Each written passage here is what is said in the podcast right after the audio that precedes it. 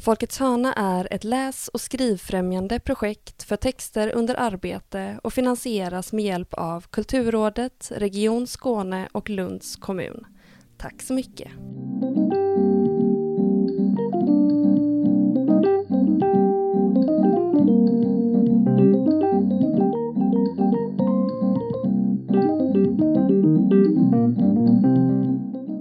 Välkomna till Folkets hörna, en podcast om den skrivande praktiken. Eh, mitt namn är Emilia Palmén. Eh, jag sitter eh, i Malmö, fast på olika ställen, eh, som eh, Agnes Stenqvist. Och med oss på så kallad länk från Stockholm har vi Tone Schunnesson. Hej Tone! Hejsan, vad kul att vara här. Tack eh, för att du tar dig tid att prata skrivande med oss. Såklart. Du är ju bland annat eh, författare, eh, dramatiker och skribent. Yes. Skriver du på något just nu? Skriver jag på någonting just nu? Nej, faktiskt ingenting. Jag skulle ha gått in i eh, liksom ett pjäsarbete nu, men på grund av corona så har allting blivit så jävla uppskjutet. Och jag har ju kommit eh, med en ny roman under hösten, så jag är lite så skriv-PTSD som jag tycker alltid att man har när man har haft sån intensiv offentlig period med sitt skrivande typ. Så jag är lite, Mm. jag är lite i vila. Fullt eh, förståeligt. Alltså när jag säger skrivande så tänker jag inte heller så här, ja det måste vara ett stort eh, projekt eller så, utan typ skriver du... Eh, Alltså jag skriver ju alltid för det är min försörjning. Så att mm, även när jag inte vill något hellre så är det ju verkligen bara att ja, släppa sig till datorn typ. Så det, det gör jag ju. Jag ska skriva, jag fick någon ny bok om som handlar om styrketräning och kvinnor typ som jag ska skriva om för Aftonbladet. Så mm. Kul, I guess. Ja men det känns Ja. spännande faktiskt. Som hon Sara Martinsson har skrivit tror jag som är kulturjournalist på, på DN och sådär. Nu kan jag ha fel men jag tror det är rätt. Du har ju precis kommit ut med eh, Dagarna, dagarna, dagarna. Hur var det att, att släppa ifrån sig den? Den har ju blivit, alltså det har, du har ju synts överallt verkligen. Ja, alltså det har varit så hemskt och jobbigt. Men det tyckte jag när jag debuterade också med tripprapport. Alltså jag tycker det är jättedubbelt att komma med, med en roman. Ehm, och också, det var lite enklare när, jag, när min pjäs gick upp som jag skrev i, på, för Folkteatern, Jane Eyre. Men ehm, det var lite enklare men också typ ett sånt moment av att bara, när man får, alltså det är typ nästan inte värt det. Alltså jag har, egentligen inget, jag, har inget, jag har inget eh, problem med att släppa iväg text så per se. Jag tror typ så här, ja, men jag kommer verkligen från sån att jag har bloggat, skrivit mycket på internet. Och sen så har jag liksom frilansat sen jag var ja, 19-20 liksom. Så jag har ing, det är inte problemet i sig utan det är mer att man är typ sånt, man är bara helt öppen för allas projektioner typ. Mm, Det är så jävla jobbigt. jag fattar det. Carolina Ramqvist eh, har ju skrivit om det i sin bok om, om att skriva, just Mm. det här med att, eh, eller alla, det är väl fler som har skrivit om, Ja, men det är och den pratat om om det, natten, men just det här med att vara liksom författare versus att vara en skrivande person. Ja men verkligen och det finns någonting i typ så här författarrollen. Men sen så är det som att det är något annat som blöder in i det också som jag tänker har typ så här som har med något annat att göra. Alltså jag vet att typ när tripprapporter kom så skrev Expressen så här jag pratade om det här i ett samtal förra veckan, det är därför jag har tänkt på det. Då skrev Expressen så här, ah, Tone Schunnesson, it girl, typ. Och jag bara, alltså jag är författare, alltså jag har, kan typ ett yrke. Jag är inte bara så, har plattat hår, typ. Eller, att det finns något så här i författarrollen också som är så här, går bortom skrivandet. Alltså, jag kan inte, få- jag vet inte. Ja men den gör väl det typ mer och mer nu för tiden, alltså i och med internet och alltihopa så blir det ju att man, alltså det han pratas ju mycket om det, att man blir liksom, måste vara en persona och att det är Verkligen. nästan mer den man säljer in än själva boken Ja. och att det är liksom genom den man säljer en bok. Ja men precis, men jag tror typ så här, för mig har det aldrig varit så här, jag verkligen i början av mina 20s så typ så här, jag var bara ute så mycket och man verkligen var så här, var ute och var på den scenen och typ lekte så mycket med persona och bild av sig själv. Men att det ändå såklart fanns en så här klar distinktion mellan det, men det är som att det inte, jag tycker att det finns så låg, ah skitsamma, jag vet inte, jag ska inte klaga på alla. Men det är konstigt, men jag tänker att det också har någonting att göra med typ att man har så lågt förtroende för skrivande kvinnor typ. Mm, alltså i allmänhet eller att du har det. Nej, alltså att världen har det. Ja okej. typ när jag har så lågt förtroende för alla skrivande kvinnor. Tvärtom, jag har så högt förtroende för dem. Särskilt de eh, i det gamla gardet som kan lära en allt. Så sant. Hur eh, ser en typisk skrivdag ut för dig? Om du liksom får lov att ägna dig åt skrivande en dag, hur ser den dagen ut? Alltså jag ägnar väldigt många dagar, alltså de senaste åren har jag ägnat väldigt många dagar åt att skriva. Um, eller så jobbar jag med skrivande på andra sätt, att jag kanske läser eller att jag handleder, vilket jag gör just nu också. Um, så det är ju verkligen att så här, det är ju jobb för mig. Och innan corona kom så hade jag en så här ganska tydlig rutin på det som var typ att går upp, du vet, kokar ett ägg, käkar en macka. Antingen så promenerar jag in till stan. Det är ganska långt, det tar typ en och en halv timme. Eh, satt mig på Kungliga biblioteket och skrev liksom.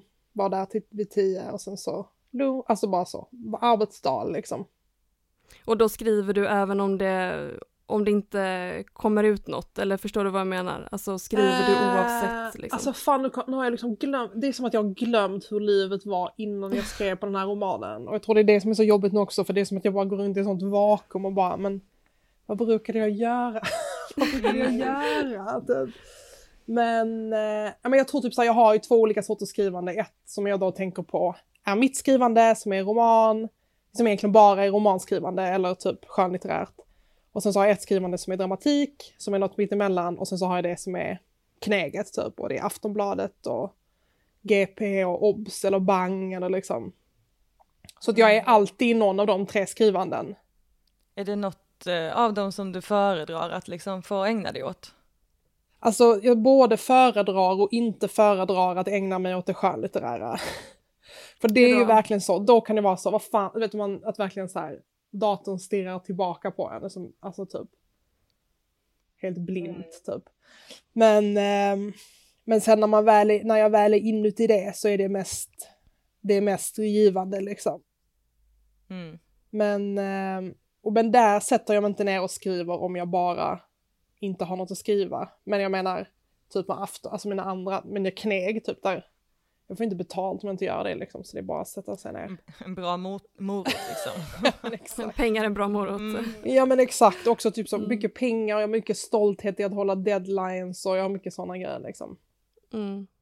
Det här romanprojekten så, eh, har, det, har de processerna sett liknande ut eller eh, hur, eh, alltså själva Nej, de såg faktiskt väldigt annorlunda ut. Alltså, mm, min förläggare kallade tripprapporter för en utfallstext.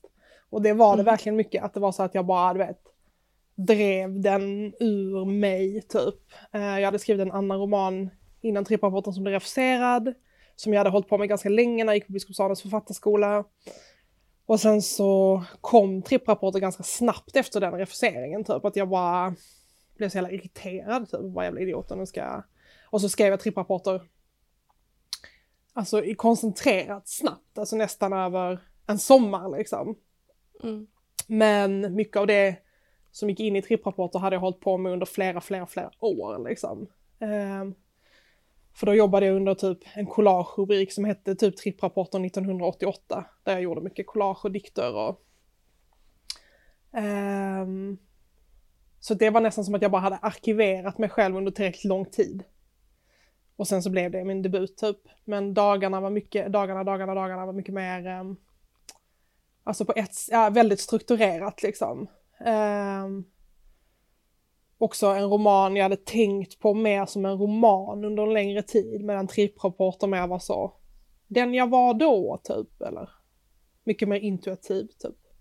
Mm. Mm. Det tycker jag det märks också när man läser. Ja, Att det är, att det är just så att den, jag vill inte säga att ett tripprapporter är fragmentarisk, men kanske mer att det är liksom att man känner att det är ett, typ ett ös som bara någonting som ska ut. ja men precis. Medans, ja, medans eh, dagarna, eh, dagarna, dagarna, dagarna Vi kan är säga liksom, dagarna, det är bara... Ja. Ja, det är tricky titel, men Ja. den är, alltså jag tänkte på det, den är lite nästan som, alltså som, ett fi, som en film. ja. Eh, och att Ja, den, har, den har en väldigt så komprimerad form som är väldigt också lätt typ för en läsare att greppa. Ja, och, så, och det tänkte jag jättemycket på, för jag tror att jag tänkte typ så här, tripprapporter blev så här. Um, alltså ganska läst för att vara den typen av roman och sådär. Jag kände verkligen att fan vad jag vill inte göra sån andra bok om sjuka där man bara skriver sin första roman en gång till. Så jag tror typ mm. det enda jag tänkte när jag gick in i dagarna var så här, jag ska verkligen vet, pusha min egen form, typ, för jag har en sån form som jag trivs väldigt bra i, som är typ allt jag skriver, bara nej jag ska verkligen utmana den. Jag vill att det ska vara skitfilmiskt, jag vill att så här, första scenen i boken ska typ så här, etablera hela romanen och så det är så här Bibs och Baby och bråket och pengarna och typ det hemlösa och Slipgatan. Alltså bara att jag, var, jag hade sån, det, det ska vara en jävla typ Tarantino-rulle typ. Mm. Mm. Eh, och att jag ville ha en sån väldigt enkel, för då hade jag läst eh, Queer av William S. Burroughs för typ flera år sedan och den är jätteenkel i sin struktur, den romanen. Och typ det som är nice med den romanen är typ att han har skrivit ett jättefint förord till den romanen som är att han pratar om att han skrev den efter, han råkade ju skjuta sin fru i huvudet liksom. Och han skrev den romanen efter. Eh, men det är inte alls egentligen, den behandlar inte alls det, utan den är, romanen är helt så på ytan. Om den som är då hans, Williams karaktär då, typ, går runt i Mexico City och försöker bli ren från heroin. Och blir förälskad i en ung kille som inte är bög, typ. Och så bara drar han, den är jätterolig, jag skrattade jättemycket när jag läste den. Och sen så var det så jävla Alltså jag tyckte det var så eget att den egentligen typ härbärgerar den här enorma sorgen, typ, eller det här ganska så alienerade efter att han hade råkat då mörda sin bästa vän som han var gift med liksom. Um, och jag tror att jag blev så intresserad av den formen som var så här ganska typ linjär, rolig och sen så bara att den bär på någonting sånt jävla bråddjup typ. Mm. Och jag mm. tänkte mycket på den formen när jag gick in i dagarna liksom. Mm. Jag fattar, ja men det, som jag säger, det märks verkligen tycker jag. Det skiner 100% igenom i den. Eh, det slog mig verkligen typ när jag läste den, att om man också kommer från typ att ha läst tripprapporter och det är liksom typ så man kände till ditt författarskap då, så blir, blir jag i alla fall typ ganska så, wow! Tagen med storm! Nej men vad är detta? Vet, det var på ett jävligt härligt sätt också. Ja. Eh, vilket var skitnice. Eh, men jag tänkte på just det du sa innan, att du gick ju på Biskops Arne och att du blev just refuserad med liksom ett manus du skickade in. Um, hur, alltså hur kändes det? Eller jag har en idé som är att det finns två vägar man kan gå om man blir refuserad. Att antingen blir man så helt nedslagen och bara ja, såhär, okej, okay, liksom. ja det här mm. var, jag är körd, det här var min enda chans. Eller så blir man så, fuck you, jag ska visa er. Det, ja, men precis, alltså jag blev som en blandning mellan dem. Alltså jag tyckte verkligen att typ såhär, när jag kom från Biskopsgården var jag verkligen så, jag är verkligen bäst i världen. Mm. jag är så begåvad, alltså jag hade så mycket luft. Och typ jag vet att så här, våra lärare var typ så här, man måste skicka in många gånger och sånt och jag bara, alltså det gäller ju typ de andra, det kommer inte gälla mig typ. Så jag skrev den här romanen som heter Lyckliga dagar. Eh, och skickade den bara till han som är min förläggare nu, så jag skickade bara till ett förlag. För att jag hade träffat honom på ett studiebesök och blivit helt besatt av honom för att han var så jävla arrogant. Typ. Jag bara, gud det här är typ helt mm. filmiskt att ha en sån förläggare, honom vill jag ha typ. Så jag skrev romanen och skickade den bara till honom. Alltså det var dumt, så skulle jag inte ha gjort. Alltså nu fick jag honom som förläggare sen i framtiden, så det var bra. Men jag tror det var bra om man skickar sin roman till många olika förlag faktiskt. Ja, det brukar väl vara det tipset ja, man ger, tror jag egentligen. Ja, men precis. Och jag vet typ såhär, Modernista hade tagit kontakt med mig efter någon läsning på Biskops Arne. Eh, och då var jag bara så nej men Modernist är liksom ett för litet förlag för mig. Så jag hade väldigt sån, typ en sån, alltså du vet stark eh, vision typ. Mm. Men då, och, där, och så därför var det väldigt jobbigt när jag blev refuserad. Jag fick liksom ett eh, lektörsutlåtande som var väldigt uppmuntrande men absolut ett nej liksom. Alltså inte ens typ sådär, skriv om den här romanen utan så här, skriv en ny roman. Mm. mm. Eh, Hur då, fan hanterar man det då? Alltså jag gick alltså... in i en alltså- sån megakris och skulle sluta skriva och typ förlorade mitt jobb. Jag jobbade på någon sån här hamburgarkedja, restaurang i Sankt Eriksplan, typ blev av med min lägenhet, var tvungen att flytta hem till min mamma i Malmö. Alltså det var som en sån ja, fan. berättelse ja, om någon som har verkligen, ja men typ, jag tror också typ jag tror att jag särskilt då kunde gå in i en sån grej att typ antingen var man en idiot eller så var man, eller antingen var jag en idiot eller så var jag ett geni typ. Och så fanns det mm. inget spann däremellan så var jag inte ett geni, då var jag en idiot och då kunde jag lika gärna dö mm. typ. Um, men sen så hände, föll sig en massa grejer på det sättet att jag åkte till Bangkok då. Um, och det var sen efter det som blev scenen för tripprapporter liksom. Men vad gör man med det, alltså det manuset då, Lyckliga dagar? efter det, lämnar man bara det då? Ja, liksom? jag gjorde det. För jag känner mig också så sviken av den romanen typ. För jag tror typ så här. I den romanen försökte jag skriva om någonting som jag har försökt skriva om i så så många år typ. Som jag aldrig lyckats få till mig. Och då hade jag lö löst i den romanen att det var en huvudkaraktär och så var det typ så här hennes eh, mördade syster som hette så här nameless. Som inte var någon typ. Och det var jättemycket så här formmässiga, alltså jag bara fattade alltså typ så här. Ida Linde på min lärare på Biskopsgården var typ så här, men vem, du måste gestalta, alltså jag fattar att det, men jag var liksom inte redo, jag kunde inte gestalta den nameless eller typ eh, på något sätt. Mm. så att jag tror att jag kände mig väldigt sviken av den romanen när den blev refuserad för att jag förstod också att jag hade misslyckats med den. Typ. Men senare så använde jag delar av det när jag skrev min första pjäs, faktiskt en radiopjäs som jag skrev för SR Drama. Som heter Härliga min avgrund. Ehm, så att jag liksom, på, men ja, på något sätt återvände jag till det men, men också övergav. Jag är också mycket för att överge saker bara. Äh, skit i det, skriv något nytt typ. När du var med i, i på scen här på Folkets hörna eh, så hade du ju med dig ett poesiprojekt som du har arbetat på ett tag. Är Ja. det samma liksom? Ja, det är samma. Alltså det är liksom ja. så samma som jag bara försöker hitta så mycket en form för. Mm, Och som jag tror typ så här. Alltså den Lyckliga dagar var också med som i formen mer som tripprapporter fast ännu mer typ. Alltså jag hade så här, jag hade gjort ett jättelångt alfabet utifrån numerologi typ som var så här. Ett betyder hej, två betyder ring inte, tre betyder och så hade jag gjort så här upp till hundra som var så här mitt i romanen typ. Alltså det var bara så mess typ. Okej. Men Mm. väldigt roligt liksom, väldigt så här. Men jag vet, men det var som jag kunde inte alls få sagt det jag ville ha sagt typ. Mm. Men känns inte det också som så här classic eh, konstnär, författare, att man har liksom en, någonting som man skriver om, om Jo, och om och om, jo. om och om igen liksom. Att man typ, vissa liksom författarskap eller konstnärskap bara liksom behandlar en sak eh, in i evigheten typ. Ja, ja men precis. Ja men precis, jag tror typ så här, och det men också typ så här att det känns som att varje roman, publicerad eller ej, är ju typ att man försöker något och snubblar. Ja. Och det man försökt, man, alltså jag kan verkligen, jag tror det är därför jag kan, jag gick in i sån stor sorg med efter tripprapporten och också efter dagarna för att man är så här, men det var inte det här jag tänkte. och så, och men det är ju det som också är så incitamentet till att sätta sig ner och skriva igen på något sätt. Men vadå att du hade liksom föreställt dig att det skulle bli någonting annat eller? Ja men jag föreställer mig alltid att det ska bli någonting helt annat, typ. Alltså jag tror för mig är det väldigt svårt att gå så här till mjukheten när jag skriver. Jag tror så här dagarna var verkligen så här, men det här är så här. Det här är så här mjukheten och ömheten för mig typ. Och så kommer romanen ut i världen och så märker man typ, nej men det var det där jag bara känt så här, fan vad jag är mjuk och öm nu. Uppfattas liksom kanske inte alls i typ så här i många läsare eller typ när folk skriver om romanen utan tvärtom att det är så här hårdheten eller bla bla så bara men vad fan. och sen så bara Ja men det är väl, ja. nu det måste jag våga igen också. typ.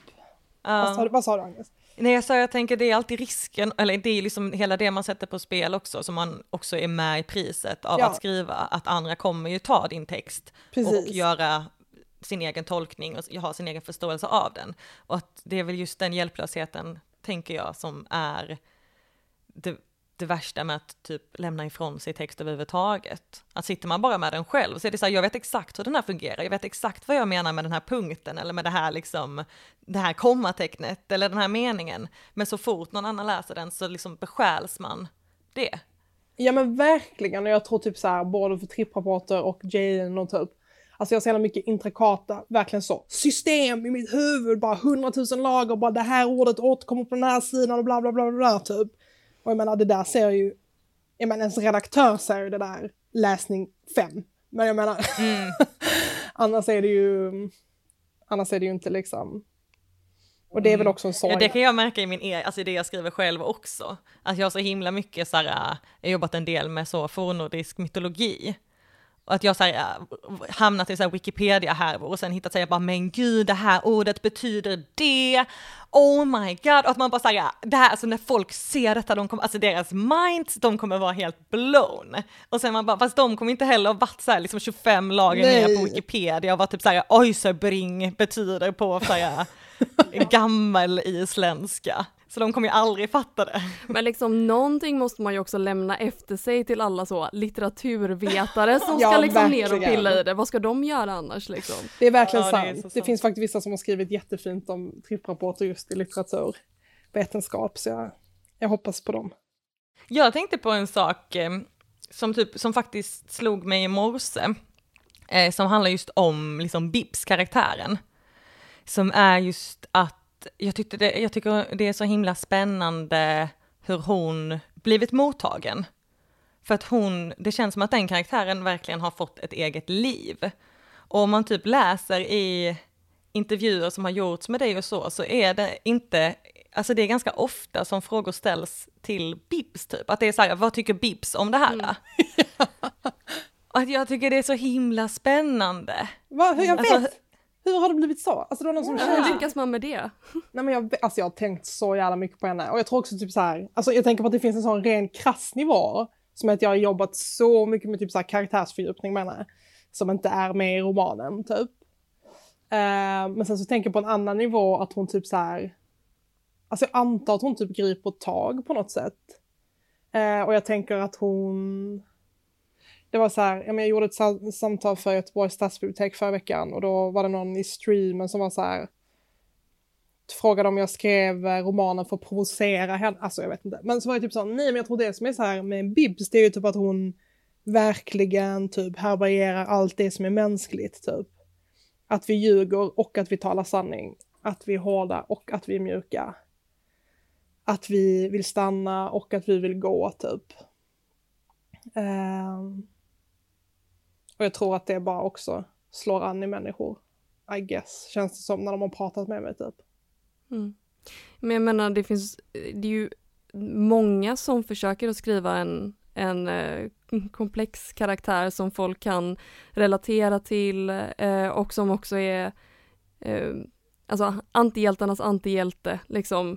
Alltså många försöker ju att, att göra precis det men få eh, lyckas. Alltså hur har du Jag har bara bättre än dem. på att säga. Nej men liksom hur, hur, hur, får, hur skapar man en karaktär som får ett eget liv?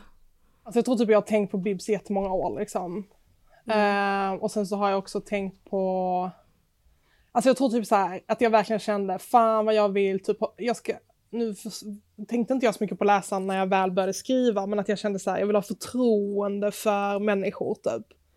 Alltså jag vill typ så här, inte skriva... Jag tänker ofta också när man ska skriva typ så kvinnliga karaktärer som är människor så är det alltid typ så. Hon måste ha värsta så här, psykologiska förklaringen till varför hon gör så här och typ hon börjar skrika på den. Självinsikt typ. Ja, men självinsikt eller liksom att eh, författaren ger eh, läsaren någon typ ja men i hennes uppväxt eller hennes klassbakgrund eller bla bla bla typ. Och det tycker jag ibland blir, människan är inte så att det finns en förklaring till allt hon gör hela tiden typ. Och jag tror att det var väldigt så här, det visste jag tidigt med dagarna att bara jag vill inte ha någon så här yttre, jag började skriva den romanen i tredje person men slutade för att jag kände typ att jag vill inte ha någonting som förklarar Bibs eller egentligen hennes handlingar. Jag vill inte, hon, hon är ju tillbaka i, sitt, i sin mammas lägenhet helt kort och med sin mormor typ, men jag vill inte ha någonting som typ att man kunde vara så här, det är därför hon är så. För att jag tror också att så opak är människan inför varandra på något sätt. Ja men det tänker jag är skönt också, för just som du säger så är det ju, det är ju verkligen en, bara en människa som är, som är gestaltad. Och att det, ja men jag tror det ligger någonting verkligen i det, att hade man gett, fått en sån anledning så hade det också så här, då är det ju så här, okej men då lägger vi hela bokens mening, eller vad man ska säga, i den förklaringen. Ja men precis, jag tror också typ att det ibland gör en karaktär mindre levande nästan. Alltså, för jag, jag, jag tror typ, jag hade ett annat uppdrag också när jag skrev som var typ så här, jag då, Tone, ska inte söka sympatier från läsarna inför, alltså jag ska inte vara så här, men ni måste typ tycka om Vips eller ni måste tycka synd om henne eller hon ljuger på grund av det här och det här eller typ. Och sen så tänker jag att Bibs är en kvinna som blivit liksom mycket ut, alltså våldtagen, slagen, bla bla bla, men ingenting av det är i hur hon vänder sig mot världen för att bli omtyckt. Typ.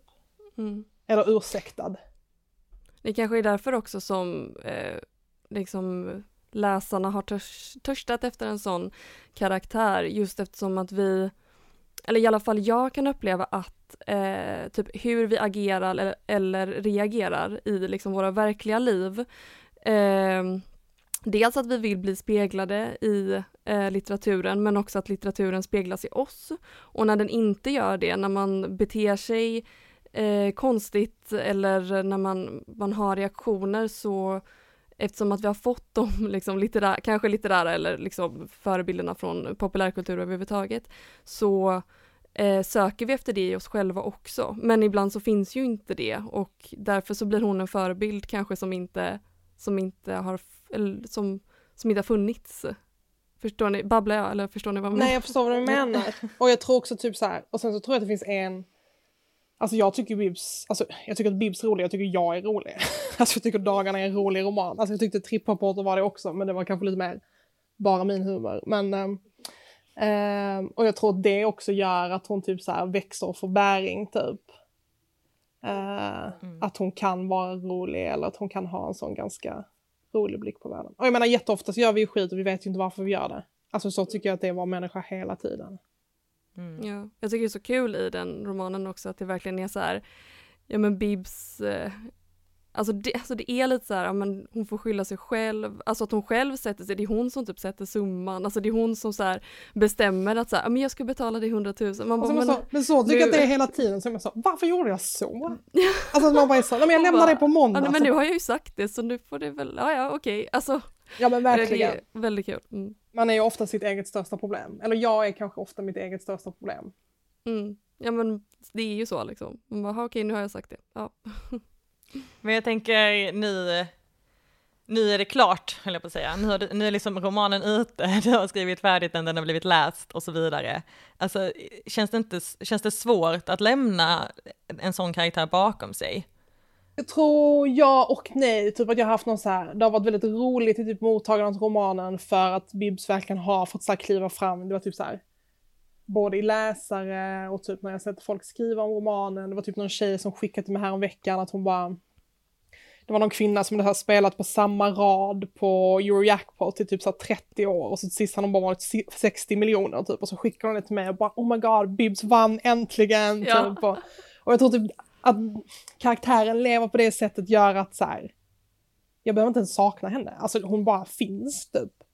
Och sen mm. så på ett sätt så är det väldigt skönt att vara, alltså jag vet i våras när jag gick in i sånt ganska intensivt redigeringsarbete så kände jag typ så här, det är en väldigt kaotisk eh, romanfigur också och det är en kaotisk tid i hennes liv och romanen är kaotisk på det sättet och typ att jag kände också att det tog jävligt mycket energi och glädje från mig typ att vara i den världen. Alltså jag kände verkligen att jag tänker typ att skrivandet, jag brukar så ofta tänka typ så här, men att skrivandet är så här fördriva kaoset ur min kropp typ.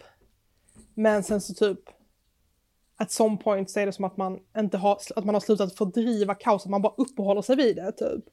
Och att det så här föder mer kaos. alltså det är verkligen en sån häxskit typ. Och så kände jag i våras och var verkligen så ganska plågad av, av Bibs och, och av den romanen liksom och kände att nej men fy, jag vill inte vara sån här typ. Så det är skönt att vara fri från henne också. Ett annat projekt som du har, eh, som du har gjort som är väldigt intressant utifrån ett, så här, ett skrivprocessperspektiv eh, är ju den här Dö Stockholm dö. Ah, just det, eh, som... Har du glömt bort den? ja, det har jag helt glömt bort. Ja.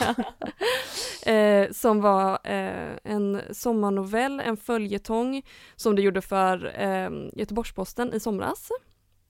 Eh, kan du inte berätta lite om det projektet? Jo, det var liksom en sommarnovell i sex delar Eh, som helt enkelt i slutet av varje del hade en, eh, två alternativ att rösta mellan vad som skulle hända i nästa avsnitt. Typ. Ehm, så jag skrev ju verkligen den så på en femöring. Alltså du vet, man fick svaret på torsdagen, torsdag kväll typ. Eller fredag morgon och sen så lämnar man ifrån sig den på måndag morgon. Um, som handlade om en musiker som heter, uh, och då var jag mer inne i Bibs universum typ, så jag tänker verkligen typ att han och Bibs typ känner varandra. Men en musiker som heter Robin som är jävligt misslyckad och hans uh, mamma dör och han är från Göteborg, han åker tillbaka för att begrava henne. Um, men det var så jävla kul, jag kan verkligen typ så här, då var jag också så jävla, jag hade jobbat så intensivt med redigering, jag är också typ helt nitisk när jag redigerar, jag typ så läser hur många gånger som helst, läser högt, du vet, eh, ber kårläsarna... alltså jag är verkligen så, jätte, jobbar jätte, jätteintensivt eh, med text som ska gå i tryck liksom.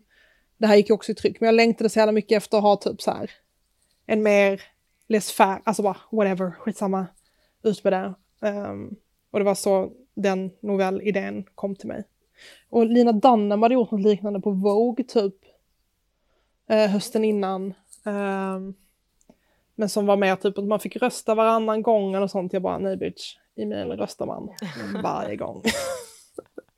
Alltså det låter ju helt eh, hysteriskt att skriva på det sättet. Alltså det ja. blir ju skitbra. Det, det är också så 10 000 hur, tecken alltså per gång. kommer ihop liksom. Eh, men hade Nej, men det var du, ju alltså, en utmaning. Fuskade du lite eller? Nej jag gjorde faktiskt inte det. Men alltså, Nej. alltså jag tycker inte riktigt det kom ihop som jag hade föreställt mig det. Men det var ju verkligen också, jag kände verkligen att det var så här, men nu har jag gjort den här grejen för mig. Alltså det är typ en skrivövning för mig. som alla får titta på typ.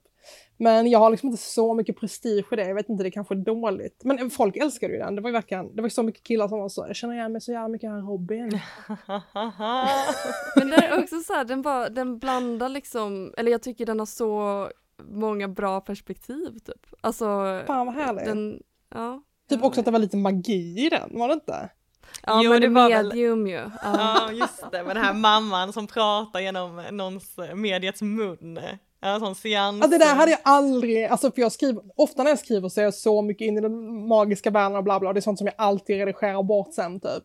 Alltså jag tror typ i dagarna så är det lite så här med Bibs och den här lotten som jag tänker typ har en sån magisk kvalitet, sen en Eurojackpot-rad liksom. Men jag menar, nu hade, kunde, kunde jag inte redigera bort det för jag skulle bara lämna ifrån mig texten. Men typ hade den texten fått funnits kvar en vecka till bara med mig så hade inte de där magiska inslagen varit kvar. Typ. Så det var ju väldigt roligt liksom. Jag tycker det är så kul också för om man kollar på de olika alternativen som fanns att välja i den. Eh, att det känns, var det, det var en omröstning på din Instagram? Ja, på eller GPs var det på GPs Insta. På GPs Insta. Ja, uh, okej, okay, ja för jag tänker att också att människan är kaotisk och att man märkte verkligen det i alla valen, att de, alltså alla röstar liksom på jag det mest, så här, vad kan fucka upp mest? Jag vet, liksom. och jag var helt förvånad över det först, för att jag tog första gången så var typ så här, jag tror att jag tog jag tror att jag, vissa val var ju verkligen så, nu kommer jag inte ihåg alla val, men vissa var så här, men det här kommer bli helt olika och sen så vissa var ganska nära varandra typ. Eh, och sen så vet jag att jag någon gång att jag verkligen var så, jag vill verkligen att det ska bli så här, så då hade jag typ ett lite sämre val med. men det var ju utan fail varje gång, precis, att det var det mest kaotiska som, uh. som valdes. Men det var roligt också, jag tror typ så här, för då var det en skådis som heter Anton Hellström som läste in den Um, och, så, jag, och så lades det upp på Spotify och sånt där och typ jag lyssnar själv aldrig på ljudbok. Så jag har så jävla svårt att typ relatera till att faktiskt text når människor på det sättet typ. Men då var det verkligen att jag kände så att det fick genomslag på ett helt annat sätt för att det var inspelat också liksom. Um, men det som jag insåg då var att det är svårt att skriva både för sida och för ljud. Alltså jag kände att vissa grejer som funkade bra på pappret blev förvirrande när man lyssnade på det för att man kan inte gå tillbaka eller aha okej okay, var det han eller typ. Så det var också en jätteintressant eh, erfarenhet liksom. Kanske lite mer åt det, liksom, eh, att skriva dramatik, att också skriva för ljud? Ja, men jag tror, nej, men jag tror, nej, men någonting med att typ så här, jag, jag tänkte jättemycket på så här, men hur många karaktärer kan man egentligen introducera i en sommarnovell som man ska lyssna på som är så här tio minuter åt gången typ jag hade nog typ så här strukit hälften av karaktärerna om jag hade skrivit specifikt för ljudbok typ. Alltså sådana grejer började jag bara tänka på och det var intressant liksom. Radioteater är ändå något annorlunda än ljudbok liksom.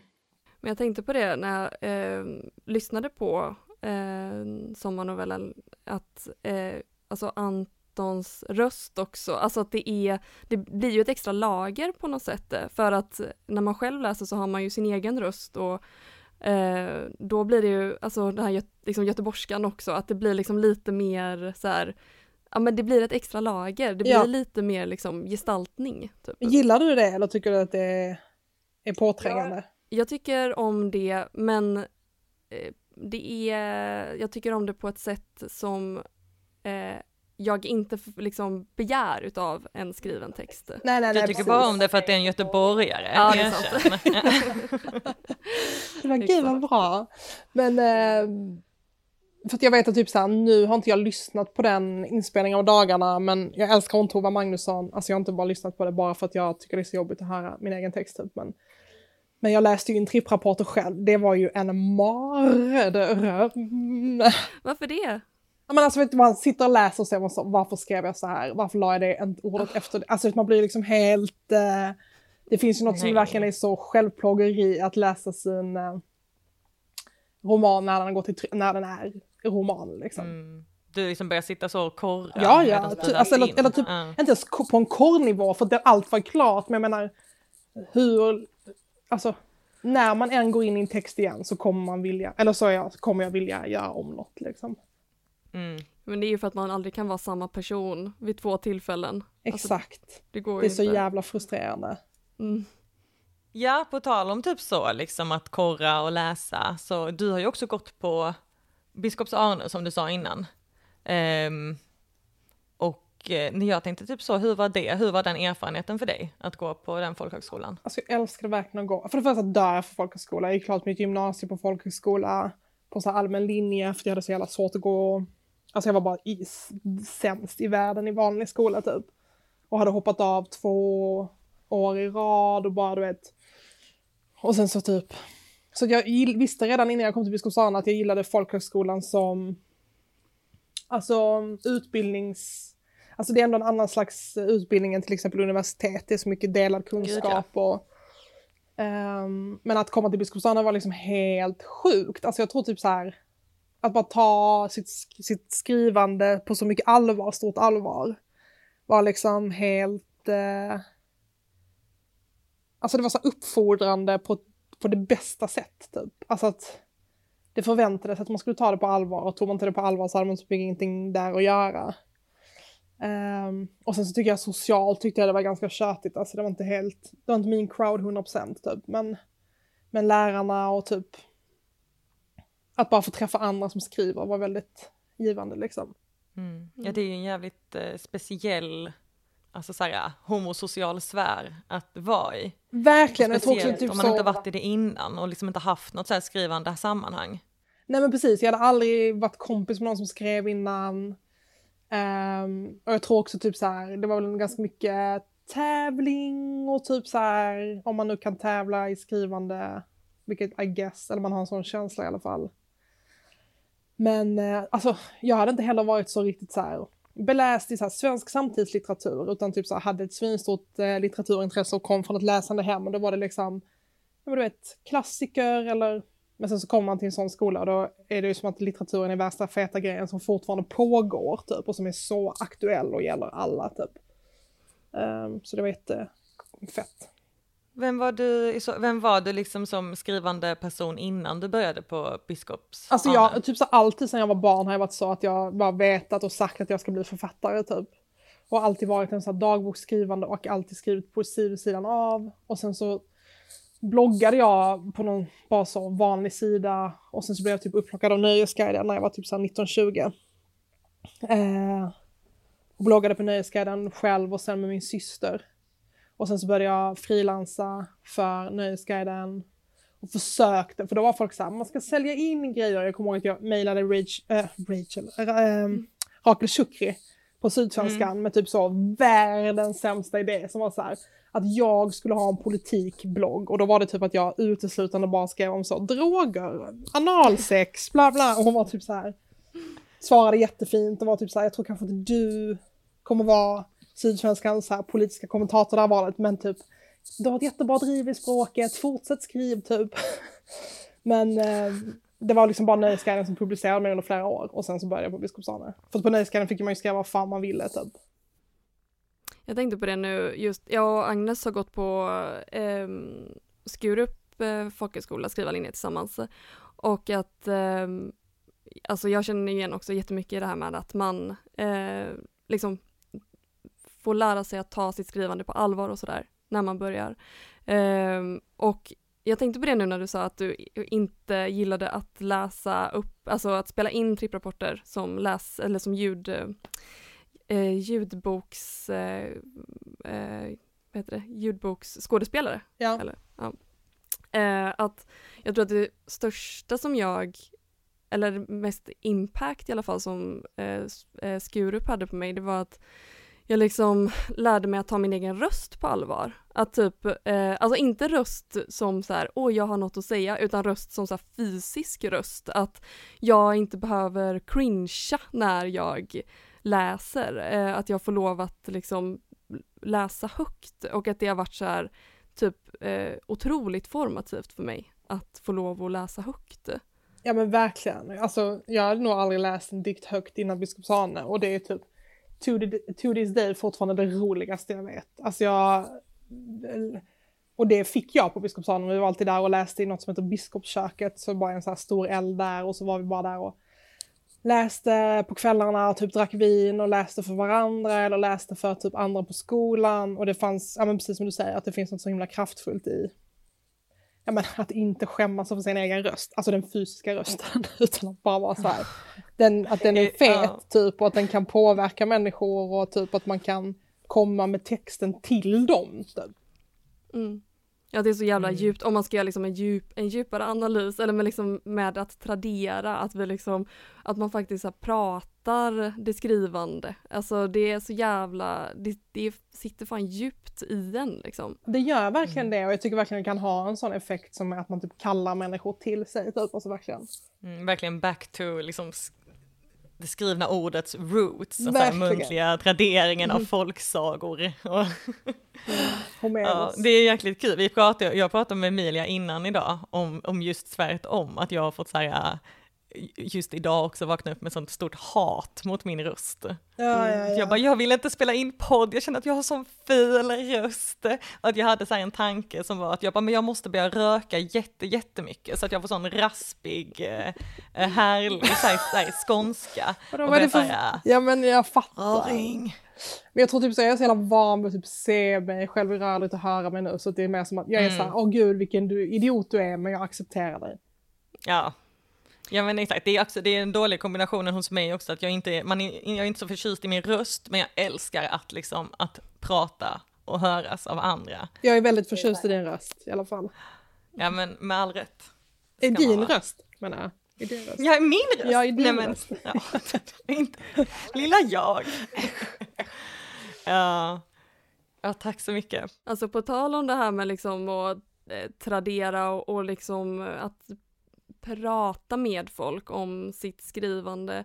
Alltså hur har eh, corona påverkat eh, liksom den här, jag vet inte, processen eller eh, alltså just det här med efter att man har släppt en, en bok, eh, kanske också att man ska börja så här, fundera på något nytt att göra eller så. Eh, hur har det påverkat? Alltså jag tror typ så här, för mig har det varit jättejobbigt för att det har varit så mycket jag har fått så mycket typ eh, medial uppmärksamhet på den här boken.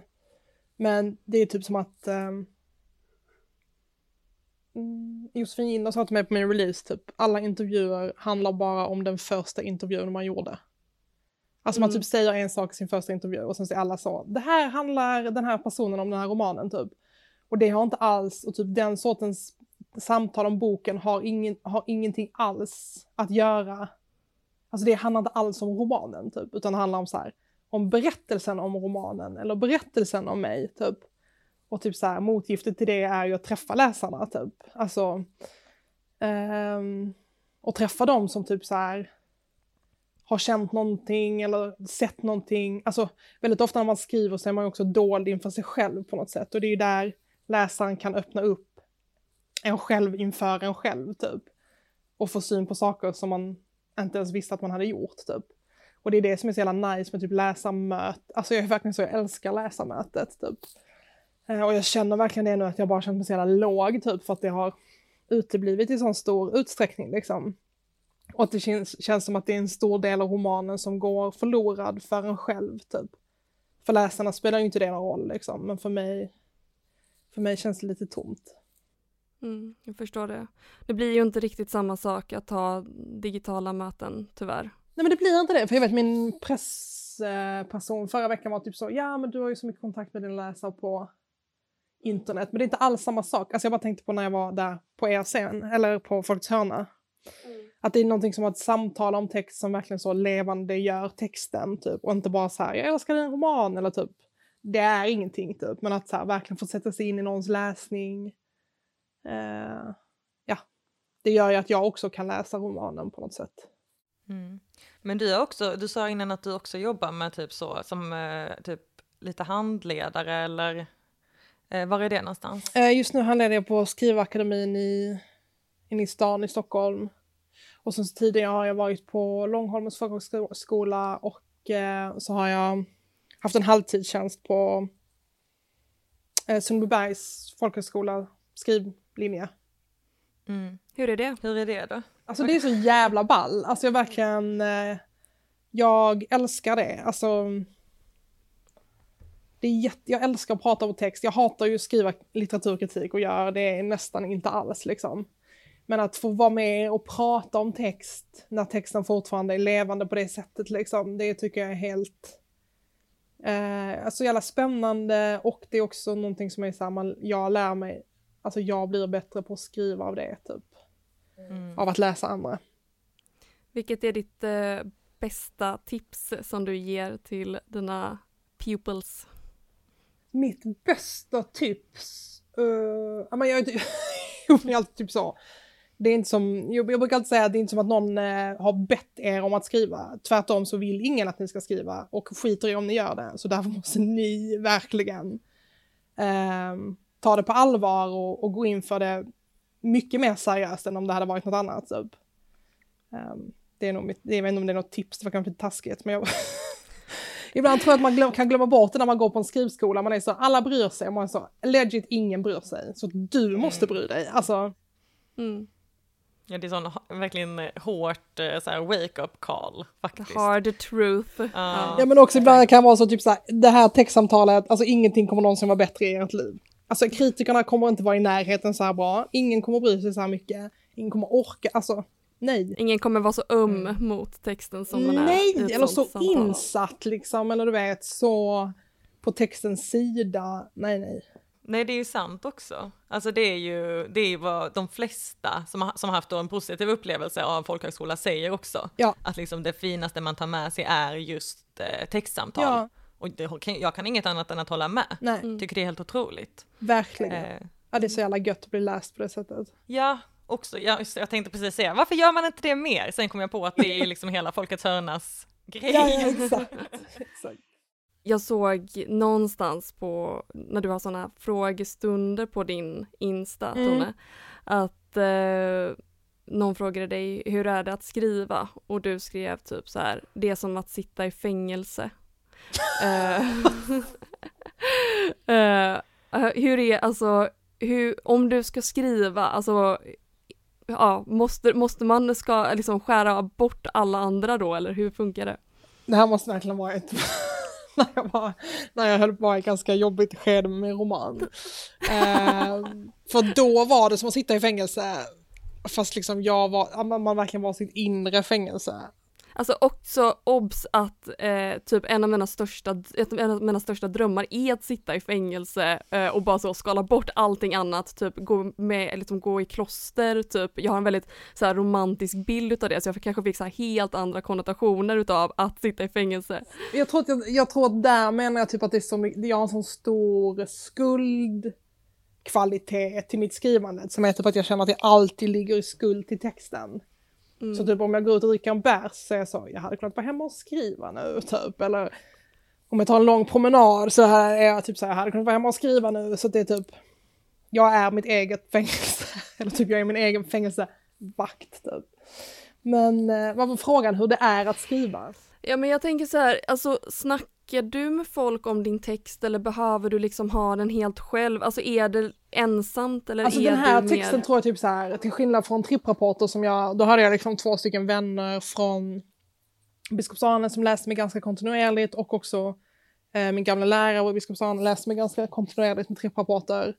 Men jag tror typ med dagarna så var jag verkligen så här, ja men den här texten ska bara vara min ganska länge typ. För jag kände också typ, åh ska jag gå till mina så fancy, swanky poetkompisar och säga, jag ska skriva en roman om en influencer typ. De kommer bara, okej varför det typ. Så jag kände också här, jag vill inte, vara, jag vill inte släppa in någon sån kritik typ. Alltså jag vill verkligen inte få kritik eller du vet, jag vill inte ens få en läsning typ. Eh, men däremot så jobbar jag med den här texten på ett annat sätt som var att jag drog det som en story för mina vänner typ när vi käkade middag. Att jag var så här, att jag verkligen var så här, eh, typ det här hände Bibs typ och så bara berättade jag som, alltså du vet att jag verkligen bjöd in mina Lite anekdotiskt. typ. Anekdotiskt precis, så att jag kunde verkligen vara så här, dra hela storyn eller typ säga typ så här, det här har hänt och typ så här. Och med att berätta det som scener eller som skämt nästan typ.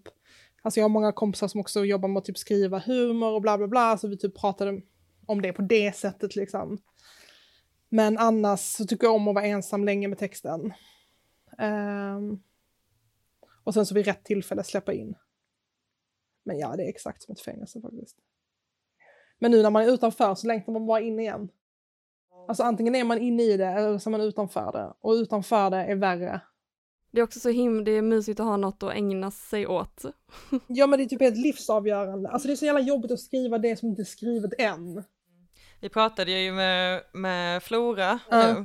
nu eh, och eh, hon, hon sa det så fint tyckte jag, just att hon bara, men att skriva är att vara en uppfinnare Mm. och att varje gång du sätter dig framför din dator så måste du uppfinna någonting Ja. som inte finns. Och att det är det som är liksom det sjuka med att skriva. Ja men jag tror typ jag har en helt annan upplevelse som är typ som att jag är så här, att jag ska säga Alltså för jag tror typ så här, jätteofta känns det som att när jag ska uppfinna någonting så känns det som att jag ljuger. Så det är som att jag måste säga någonting som redan finns. Alltså jag måste, jag måste typ säga något som är sant, som redan finns någonstans och jag måste typ leta upp det typ. Ehm, eller så kände jag med dagarna och tripprapporter och jag tror det var därför jag gillade den novellen jag skrev i somras typ, att jag verkligen var så här, men det var någon sån uppfinnarkvalitet typ. Men annars kan jag ha sån stort melodram när jag skriver, typ att jag verkligen tänker att man ska så här, åkalla någonting som är där redan typ. Mm. Alltså, Känns- förstår ni vad jag menar? det, känns det bra eller känns det stressigt? Det är ju stressigt. Det är ju jäkligt, jäkligt stressigt. Stort ansvar, liksom att jag ska ge er sanningen. Nej men typ inte så här sanningen om världen, men så här sanningen om Bibs typ. Eller du vet sanningen om... Eh, alltså jag tror typ jag har verkligen sån stark känsla av att när man skriver fiktion att man hör när man ljuger typ. Alltså även om det är helt påhittat typ. Och då är det som att, hur kan det vara en lögn om det är påhittat? Men det har typ någonting att göra med den sanningskvaliteten. Typ att jag vet någonstans i dagarna att jag kan fortfarande tänka tillbaka och bara, jag, det, jag är påhittad på det, alltså stör jag mig på det typ. Fast allt är ju påhittat, inte. Du har ju också skrivit eh, eh, dramatik. Eh, hur, alltså, hu- hur har de processerna sett ut? Är det, jag har liksom någon föreställning om att det är mer eh, mekaniskt, kanske efter att man har haft någon sån eh, lektion på eh, på skrivarskola, kanske för att jag är helt, eh, en, en, jag liksom aldrig har skrivit eh, dramatik, men att det känns lite mer sådär, det ska vara tre personer på scen och de ska säga det här till varandra. Alltså, Alltså jag var ju verkligen världens sämsta dramatiker när jag fick Jane. Alltså jag kan inte ens komma ihåg att vi gjorde det på Biskops Arne. Jag hade skrivit en radiopjäs innan och det var han som gav mig den här, eller han, det var han som erbjöd mig det här jobbet då. Men jag var ju verkligen så... Ja, det var väldigt konceptuellt eller vad man ska säga. Postdramatik typ. Men alltså allt det där med si och så många människor på scen fick jag liksom reda på efteråt typ. det kanske är skönt, det kanske är bra. Jo, men jag tror också, för det, det var som att jag insåg att typ såhär, åh nej, det finns typ en sån arbetsmiljöfråga som är typ såhär, nu har jag gett den här kvinnan en replik på två och en halv timme typ. Aha, Och hon bara men såhär just- kokade när vi träffades och bara, ja, och jag bara, ah shit just det, det här är actual människor typ. Ehm, men uh, jag tror att det var typ, för mig var det mycket mer en, att skriva Jane var jättemycket ett samarbete för mig, typ jag och Ragnar. Ragnar som regisserade och Maja, Ragnar Wey och Maja Kall som gjorde scenografi. eh, och Magnus Lindman då som var dramaturg. Vi träffades en gång i månaden och hade typ textsamtal om vad jag hade skrivit typ. Um, för jag var också så när jag tog mig an jobbet så var jag så, ja jag vill göra det, jag vill absolut inte ha någon med dra dramatiker, jag vill inte ha, skriva det med någon, däremot så vill jag att vi ses. Alltså för att ni har gjort det här hundra gånger, jag har inte gjort det typ. Um, och jag har stort ego så jag vill inte göra ihop någon. uh, så då sågs vi en gång i månaden och hade typ textsamtal och sen så växte liksom uh, till exempel scenografin och kostymen fram gemensamt med texten typ. Um, så det var liksom inte alls mer schematiskt utan det var mer, uh, alltså det var så öppet och roligt och typ lite avdramatiserat och väldigt så, verkligen så fokus på samarbete och jag kände mig väldigt, jag hade ett stort förtroende för både Ragnar och Maja som är typ så genier typ och det kändes som att allt de kunde säga om texten lärde mig svin mycket. Både om texten men också om att skriva dramatik överlag typ. Um, och det var bara så jävla fina dagar, vi bara sågs, jag bodde i ett jättestort hus då, och så sågs vi så här lördagar och så satt vi där typ åtta timmar och sen så bara gick, och det, alltså på tal om textsamtalet, det var så liksom att vi bara pratade sida upp och sida ner och vi pratade om Jane och vi pratade om Rochester och du vet om Jane skulle varit i den här situationen, vad skulle hänt då typ och, och jag tror alltid tog jag med mig sen in i dagarna typ det sättet att tänka på. Typ. Det låter jävligt drömmigt. Alltså det var typ det bästa jag gjort i hela mitt liv. Alltså ibland kan det vara så att jag, jag kan tillbaka på den tiden, jag bara kan inte fatta att det har hänt mig typ. Mm. Och sen så fick vi så här träffa Ragnar också så här, såg till att jag fick träffa all, hela ensemblen och vi hade en hel dag tillsammans där de bara fick prata om, om texten med mig och ställa frågor och du vet, vissa var ganska kritiska för att det var så ganska speciellt manus, du vet, ja, som jag skriver liksom, fast dramatik det och andra var med. Alltså det var så jätte, jättefint. Och det här eh, projektet som, eh, dramatikprojektet som skulle bli av nu men som är uppskjutet antar jag då? Nej men det är jag och Ragnar då som regisserade Jane, vi vill fortsätta, jag vill inte säga exakt vilken roman det är, men vi vill fortsätta på samma tema liksom att de här um, så klassiska kvinnliga romanfigurerna typ. Fan vad fett. Det är också mm.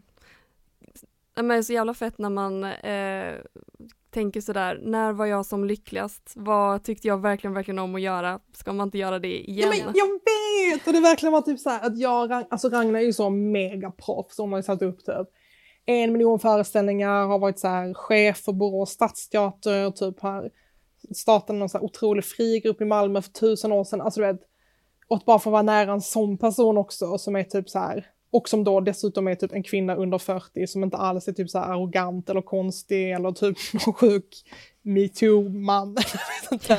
och som bara Drömmen. vill typ så här hjälpa en och göra en bäst typ. Alltså, mm. ah, det var så jävla roligt. Fan. Och som man dessutom inte delar, typ, vi har så olika estetik typ och sen så samtidigt så är det bara som att det funkade liksom.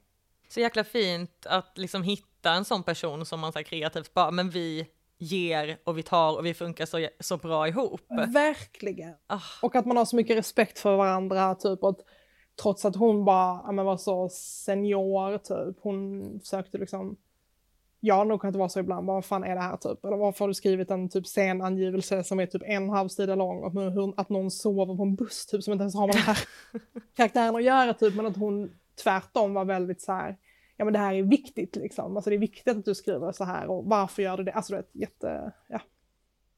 Bäst. Men håller ni på att skriva, eh, jobba med det nu ändå eller är det helt liksom satt Nej, lagt på is det är nu? lite satt på bla bla bla, du vet pengar, alltså allt sånt där typ. Mm. Men uh, ja, vi, vi ska, om vi, hon bor ju på Österlen. Så jag hoppas att vi kan ses i, i mellandagarna om det går att resa ner. Typ. Drömmigt att få hänga på Österlen under mellandagarna. Vad fattar du? Är det mitt liv. Det är helt sjukt. Ja, vi ser väldigt mycket fram emot att få eh, ta del av detta i en snar framtid hoppas vi. Tack så jättemycket för att du ville vara med och snacka med oss idag Tone. Tusen tack, det var jätteroligt. Sjukt att bara prata så mycket skrivande, det är inte så ofta man får göra det. Är det det bästa Nej, det är som finns. kul. Men är det det? För att jag älskar att höra andra, men jag är alltid så själv bara, I don't know man, jag typ äter en macka, sätter på min dator, jag känner mig så. Alltså det är en, Nej. ja, man kan gräva i den gropen eh, hur länge som helst. Alltså det, eh, det är, alltså folk är så jävla olika också. Det är kul, Ja, tycker jag. verkligen. Jag tycker det bästa är att jag själv, alltså jag tycker att när man pratar skrivande så blir jag så här, alltså jag blir så uppfylld inombords att jag bara måste, jag känner så här, jag måste bara sätta mig ner själv nu och Ja, bara ja, så här, verkligen. Mm. hacka ner allting. Ja, men precis. Ja, ja, jättekul att få vara med. Tack för Ja, att du var så med. kul att ha dig här. Och ännu en gång vill vi bara säga också ett stort tack till dels Folkets hörna men också till vår otroliga vän och klippare Klara. Tack Som, Klara. är, som Tack, också har Klara. gjort en jättefin eh, instruktion till Tone. Så att vi kunde spela in på Världens distans idag. bästa instruktion för hur jag skulle spela in på länk. Mm. Stort tack! Tack tack. Hejdå!